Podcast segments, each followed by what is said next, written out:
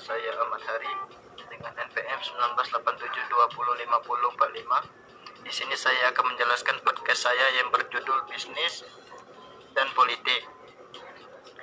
Dalam berbisnis sangatlah penting mempertimbangkan risiko politik dan pengaruhnya terhadap organisasi.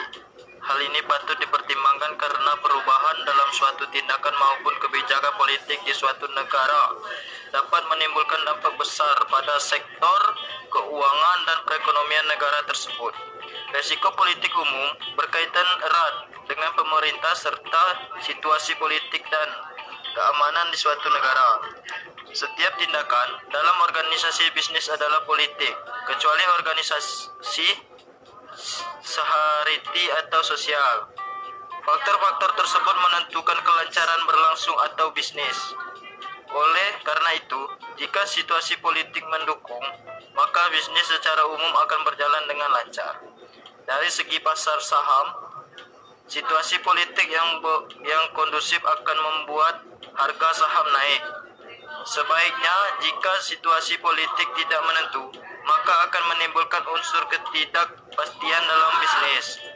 Dalam konteks ini, kinerja sistem ekonomi politik sudah berinteraksi atau satu sama lain yang menyebabkan setiap peristiwa ekonomi politik tidak lagi dibatasi oleh batas-batas tertentu sebagai contoh IMF atau Bank Dunia atau bahkan para investor asing mempertimbangkan peristiwa politik nasional dan lebih merefleksikan kompromi-kompromi antara kekuatan politik nasional dan kekuatan kekuatan internasional.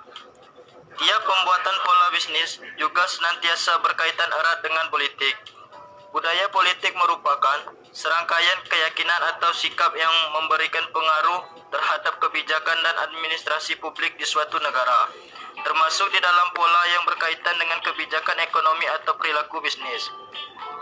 Terdapat politik yang dirancang untuk menjauhkan campuran tangan pemerintah dalam bidang perekonomian atau bisnis. Sistemnya disebut sistem liberal dan politik demokratis.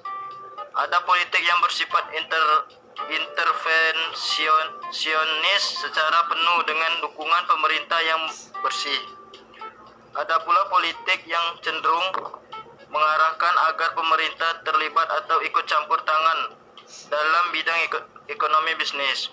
Indonesia lebih mengacu pada pola terakhir, yakni pemerintah terlibat atau turut campur tangan dalam bisnis.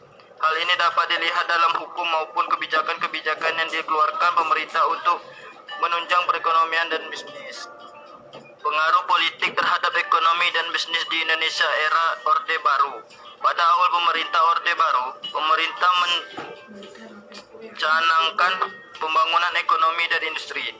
Pada waktu itu posisi pengusaha dalam negeri masih dalam keadaan yang tidak kuat untuk berdiri sendiri. Akibatnya pemerintah atau negara menjadi dominan dalam perekonomian.